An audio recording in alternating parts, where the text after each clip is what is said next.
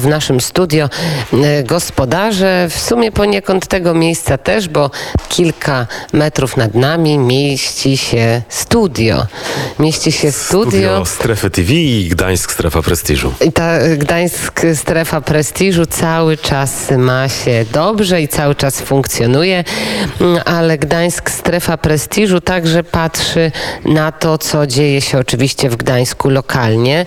No i mm, w naszym studio także pan Zbigniew Sajnuk, publicysta, eseista, a także pani Anna Pisarska-Umańska i zaczniemy rozmawiać o tym, co się dzieje albo co się nie dzieje, co się dzieje na Westerplatte, bo to jest temat, który polaryzował przez długi, długi czas opinię publiczną. To były walki, boje o to miejsce. Suma summarum mm, przeszło to w ręce państwowe. Pod kuratelę wzięło to Ministerstwo Kultury, Sportu i Dziedzictwa Narodowego. A jak do tej sprawy ustosunkowuje się miasto Gdańsk? No, miasto traktuje to jako zawłaszczenie terenu, uważając, że Westerplatte jest gdańskie. Jest to oczywiście błąd. E, Westerplatte należy do wszystkich Polaków, należy do Polski. Jest to nasza wspólna historia i myślę, że bardzo dobrze, że ministerstwo przejęło ten, ten teren, ponieważ my, y, Półwysyp jest bardzo zaniedbany. Byłam, chodziłam No właśnie, kilka godzin. przypomnijmy, bo że to między innymi pani zdjęcia z tego, w jaki sposób traktowane jest Westerplatte, poniekąd y, przyczyniły się, że bardziej wnikliwie zaczęliśmy spoglądać na tamto miejsce. E, No może tak, znaczy nie chcę przesądzać tutaj, bo oczywiście moje zdjęcia nie miały żadnego, przypuszczam, wpływu na decyzję y, władz Polski, prezydenta. Y, Są jakimś dokumentem. Y, Wiem, że te zdjęcia były w Sejmie, były w komisjach sejmowych, wiem, że trafiły do prezydenta Dudy i które po prostu obrazują, czy obrazowały mm, stan Półwyspu Westerplatte i pola bitwy. I to jest po prostu skandaliczne, co tam się działo. Ja już pomijam nawet fakt, że przez 70 lat po wojnie nie potrafiliśmy y, znaleźć obrońców Westerplatte. Y, Paweł Adamowicz, prezydent Gdańska, twierdził, że nie ma, co tam, nie ma czego tam szukać po prostu. Więc dobrze się stało, trzymam kciuki. Y, Mam nadzieję, że to miejsce będzie właściwie upamiętnione. E, Podobnie jest z y, Gedaniu w Gdańsku. Z kolei e, o tym zagadnieniu, o tym miejscu opowie pan e, Zbigniew Sajnuk. Co dzieje się, a raczej co nie dzieje się właśnie w Gedani. Taka bajeczna nazwa w ogóle, taka, taka bajeczna, b- prawda? To jest nazwa e, klubu sportowego Polaków w Wolnym Mieście Gdańsku. E, e, To nie, oczywiście to nie była tylko, jakby to powiedzieć, instytucja sportowa, to nie był tylko klub sportowy, to był ośrodek polskości. Sami Niemcy nazywali ten, ten, tę część miasta Dolnego Wrzeszcza Republik Polen. To dużo też nam e, mówi.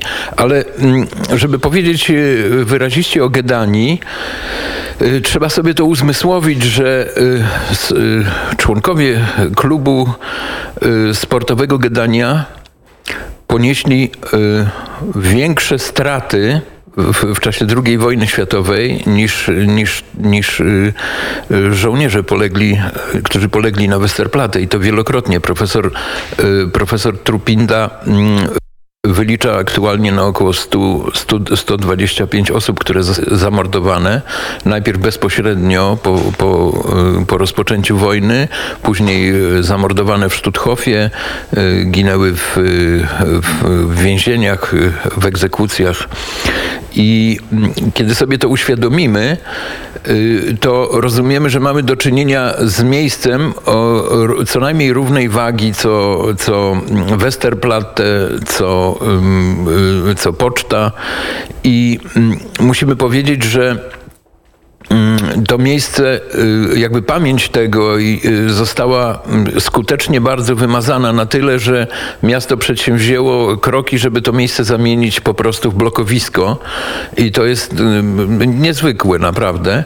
A chciałbym podkreślić jeszcze, że zachowały się dokumenty w Gdańsku, rozkazy i plan ataku na, na Gedanie i na Bratniaka, czyli na dom akademicki polski studentów Politechniki Politechniki Gdańskiej w Wolnym Mieście Gdańsku i y, przygotowywano na 1 września podobny szturm jak na pocztę. I y, Mam, jest zachowany taki plan, na którym y, jest y, pokazane, pokazane jest rozmieszczenie mm, karabinów maszynowych, które w ten obszar, y, zakres ostrzału, które były wymierzone w, w bratniak y, w zabudowania Gedanii, w teren Gedanii, y, szczegółowy plan, szczegółowy plan ataku z, z, z rozpisaniem, y, jakie oddziały z jakich kierunków będą atakowały, w jaki sposób. Naprawdę po prostu opis bitwy. Sobie uzmysłówmy to, że, że to była bitwa, którą hitlerowcy y, zamierzali wytoczyć, no nie wiem, studentom, tak jakbyśmy sobie dzisiaj wyobrażali, że nie wiem, na dom akademicki, na bursę ktoś chce przypuścić taki atak w pełnym uzbrojeniu z karabinami maszynowymi i tak dalej. I w, w tym y, planie ataku, y, do tego planu ataku były zamieszczo- do, dołączone również listy proskrypcyjne, czyli y, zawierające nazwiska, wykazy, gdzie kto mieszka, nazwiska Polaków mieszkających w okolicy. Jest bardzo znamienne, że bardzo w, tej okolicy mieszkali też kolejarze polscy i jest bardzo znamienne, że wśród tych osób, które zginęły, jest też, zostały zamordowane, było też bardzo, stosunkowo relatywnie bardzo dużo kolejarzy. Widać, że y, widać, że Niemcy traktowali tych ludzi jako, jako swojego rodzaju elitę, jako ludzi, którzy są zorganizowani, którzy są y, sprawni i z ich punktu widzenia niebezpieczni. To jest też bardzo, bardzo znaczące. Znamy taki, znam zresztą mm, osobiście przykład rodziny Augustyna Miąskowskiego, który został 1 września e, aresztowany, później e, stracony w obozie Stutthof w Wielki Piątek, w tej słynnej, słynnej, nie mówię tu w, w pozytywnym znaczeniu tego słowa, egzekucji strasznej. I ym, wiem, że y, te, ta trauma straszliwa odcisnęła się na tej rodzinie w naprawdę dotkliwy sposób, bo, bo ta rodzina w, w, w, straszny, w strasznych warunkach prze, przeżyła całą wojnę tutaj w Gdańsku, a po wojnie ich mieszkanie, to mieszkanie dziadka, który został zamordowany, został, zostało oddane milicjantowi. I oni znowu się w, w, w PRL-u znowu się tułali. I muszę powiedzieć, że to jest naprawdę wstrząsające. I właściwie to mm, jest takie równoległe, trochę współbrzmi z tym właśnie y, stosunkiem miasta do, do Gedanii współcześnie. To, że miasto w ogóle ośmieliło się, że ktokolwiek w mieście ośmielił się w ogóle takie miejsce przeznaczyć pod zabudowę blokową. To jest na pewno smutna konstatacja i smutne wnioski płynące z tej polityki historycznej, rozumiem, która się tutaj dzieje, ale ta polityka historyczna, e, o czym wczoraj mieliśmy okazję chwilę porozmawiać, także dotyczy innego miejsca. To pytanie do pani Anny Pisarskiej-Umańskiej. Mówię tutaj o biskupiej Górce. Co tam się dzieje w tej części miasta Gdańska? E, No znaczy nic się nie dzieje. Są jakieś plany rewita- rewitalizacji. My nie mamy dobrych doświadczeń e, z rewitalizacją, ponieważ z reguły jest to, e, to są tylko zabiegi bardzo kosmetyczne. Natomiast Biskupia Górka jest to część miasta, która jest autentyczna. To rzeczywiście są budynki, które mają po 100 lat, które przetrwały wojny. Natomiast decyzją władz komunistycznych po wojnie to miejsce zostało przeznaczone do zamrożenia. To znaczy nie remontujemy, pozwali, pozwalamy, żeby to się po prostu rozpadło. Podobnie jak e, warszawska Praga Północ, tam było podobnie. Na pewno tak. I, i, I w takim stanie biskupia Górka przetrwała do, do lat 90. ubiegłego wieku i do teraz. Y, Mieszkania są w katastrofalnym stanie. Jest to y, naprawdę miejsce, y, troszeczkę mi przypomina Paryż w swojej zabudowie, y, troszeczkę i bardzo klimatyczne. To miejsce przed wojną tętniło życiem, tam były zakłady przemysłowe, piekarnie, sklepy. Y, Obecnie wszystko to wygląda bardzo biednie i stan dróg jest katastrofalny, mieszkania są zagrzybiałe. Także bardzo szkoda tego miejsca. Y, Bardzo malowniczego. Bardzo malowniczego, ponieważ jest to rzeczywiście troszeczkę, Położone, y, z- podejrzewam, na górce jakiejś.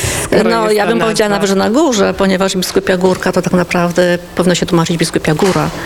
Mieszkali tam też przed wojną Polacy. Między innymi y, autor y, poczytnej książki Brunon Zwara, y, który opisuje życie w, w wolnym mieście Gdańsku. Właściwie są to cztery tomy od y, początku, kiedy on się tutaj przeprowadził, czy właściwie żył, y, aż do lat lat y, 80. I to jest taka no, ciekawa książka mm, z perspektywy właśnie takiego normalnego człowieka, bo on opisuje jako normalny człowiek życie w wolnym mieście Gdańsku, życie w PRL-u, życie w czasie wojny. On również był y, y, w obozach koncentracyjnych. Więźniem obozu Sachsenhausen. Tak, tak, tak, tak. Y, Gdański Bówka, taki jest y, tytuł tego, tego właściwie tych książek. To na pewno ciekawa e, lektura, e, z którą warto się e, zapoznać. My do rozmowy za kilka minut wrócimy.